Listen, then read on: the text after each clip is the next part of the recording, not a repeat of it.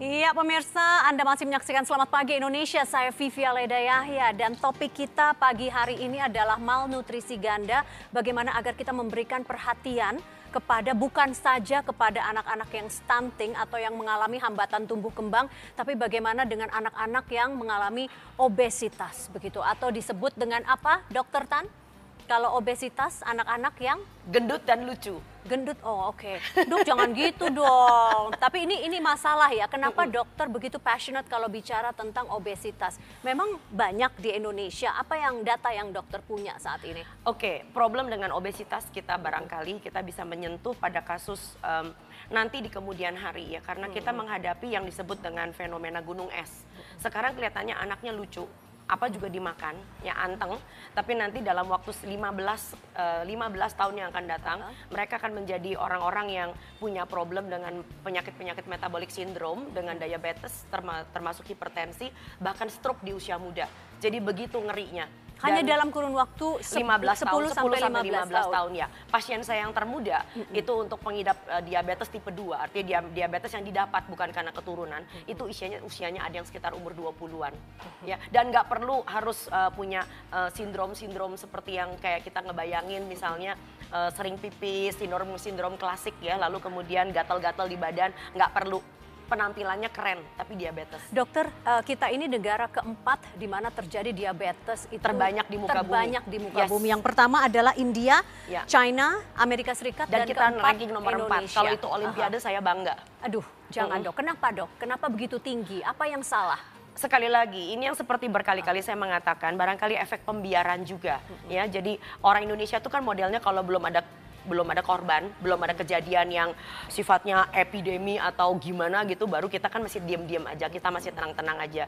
Sumbernya itu semua berpulang pada keluarga, berpulang pada ujung tombak e, bagaimana masyarakat kita dididik. Itu sebabnya kenapa saya mau banget hari ini saya juga diundang ke Metro TV lagi. Dokter juga punya data bahwa banyak sekali orang Indonesia di atas 10 tahun itu yang kurang makan sayur karena kurang makan sayur dan buah termasuk Betul. penyebab obesitas. Jadi kita mempunyai data yang namanya riset kesehatan dasar di tahun 2013 yang angkanya nggak lebih bagus dari yang kita harapkan. Jadi kalau kita bayangkan anak di atas umur 10 tahun artinya termasuk Vivi dan saya, tebak berapa banyak orang Indonesia yang diharapkan e, mestinya makan sayur dan buah dalam jumlah porsi yang benar tapi ternyata tidak dalam porsi yang benar gitu loh ya. So kita punya angka yang sangat-sangat very shocking, 93,5 persen. Sampai saya mengatakan, what? Apakah kita hidup di Siberia? Kurang makan sayur Betul. dan buah. Betul gitu loh ya. Uh, ya sayurnya cuma buat basa-basi, cuma buat syarat. Buahnya cuma cuci mulut, ya apalah artinya. Dan dok, itu adalah kebiasaan dari kecil. Dok, tapi kalau kita tahu kan Kementerian Kesehatan uh, uh, itu sudah mengeluarkan uh, istilahnya nih syarat-syarat makan sehat nih seperti apa. Kan sudah ada panduannya. Tapi Setuju. apa yang terjadi di lapangan? Maka dari itu kita perlu menyayangkan bukan berarti Kementerian Kesehatan kita itu nggak kerja. Saya tahu banget Ibu Nila dan perangkatnya tuh kerjanya bukan main pontang-panting. Tapi terlalu banyak yang mesti diurus ya. Jadi kadang-kadang uh, untuk masalah again supervisi dan monitoring itu sering kali agak keteteran. Yang di mana itu juga merupakan kerja bareng dengan para dinas kesehatan terkait di daerah masing-masing.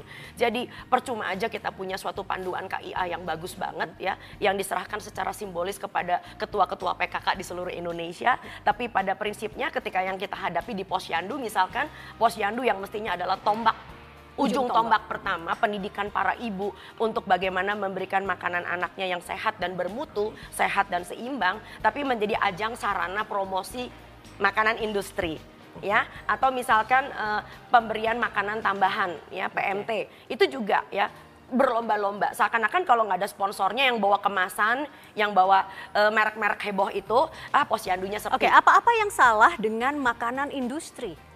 Ya, yang menjadi salah adalah badan kita nomor satu. Kita ngomong secara uh, Oke, okay, apa yang apa yang lagi. terkandung di dalam makanan industri yang yang justru harus kita hindari? Betul. Jadi gini loh, bukan tentang dihindarinya. Apa yang badan kita butuhkan itu tidak cukup dengan apa yang industri tawarkan ya. Jadi walaupun industri itu menulis jumlah kalori sekian, protein sekian, asam amino sekian, eh, lemak baik sekian, tetapi badan kita kan nggak cukup cuman itu doang. Badan kita tuh butuh antioksidan, badan kita butuh mineral, badan kita butuh serat, badan kita butuh makanan utuh in short gitu loh ya. Jadi sayang banget kalau di luar negeri, saya bukan luar negeri main, tapi kita harus berkaca kepada negara-negara yang sudah mengalami apa yang terjadi di Indonesia dan mereka udah kapok-kapok. Mereka selalu mengatakan, selalu makan makanan lo utuh selalu makan makanan utuh dan makanan yang sehat itu tidak keluar dari kemasan. Makanan yang sehat itu adalah makanan yang semakin mirip semakin dekat dengan bentuk aslinya di alam. Oke, kembali lagi kita ingin memberikan perhatian kepada anak-anak kita yang Betul. obesitas ya. Betul. Nah, ini kan diawali dengan apa tumbuh kembang itu di awal kan pada saat mereka masih masih di perut kemudian lahir. Nah, Betul. itu kan diawali dokter selalu bilang harus ASI. Betul. Itu luar biasa harus ASI. Nah, kemudian masalah itu terjadi timbul pada saat sudah memberikan makanan, pendamping, pendamping ASI. ASI. Nah, seperti kayak empasi, makanan pendamping ASI. Banyak ibu-ibu bahkan di Jakarta apalagi di kota kecil merasa keren kalau makanan pendamping ASINya itu bukan pisang kerok. Itu itu itu kampungan, itu deso. Tapi mereka Jadi merasa preferensinya? keren, uh-uh, pergi ke supermarket, pergi ke toko, beli makanan yang cuma kemudian uh, diberi air keluar dari dispenser, utuk-utuk-utuk lalu beri makan anaknya. Alasannya cuma satu yaitu praktis. Itu yang kelihatan di luar. Yang di dalam hati kan keren, kita bisa beli. Ya. Jadi bahkan kemarin saya baca apa namanya uh, salah satu informasi ada seorang PSK, maaf, ada seorang PSK yang akhirnya ketahuan ketangkep hanya karena dia mengatakan dia kasihan anaknya cuma dikasih tajin. Jadi dia spesial sampai mencuri dua box susu formula dimasukin ke dalam celananya. Jadi uh, orang kita tuh masih punya yang disebut dengan susu minded atau barangkali biskuit minded, makanan-makanan kemasan, makanan-makanan dari pabrik yang jujur ngomong itu iklannya, promosinya itu lebih heboh daripada Ah, nanti sebentar lagi akan Baik, kita ya, lihat. nanti nanti nanti kita akan eh, apa Ya. lihat contoh-contoh bekal anak sekolah Betul. ya. Ya, apa saja yang disiapkan oleh Dokter Tan untuk ini ada 12 anak ya, Dok yang Enggak, ada disiapkan ya. anak, ada Ya, enam Tapi anak. setelah yang Anggap aja satu saya ini. punya enam anak.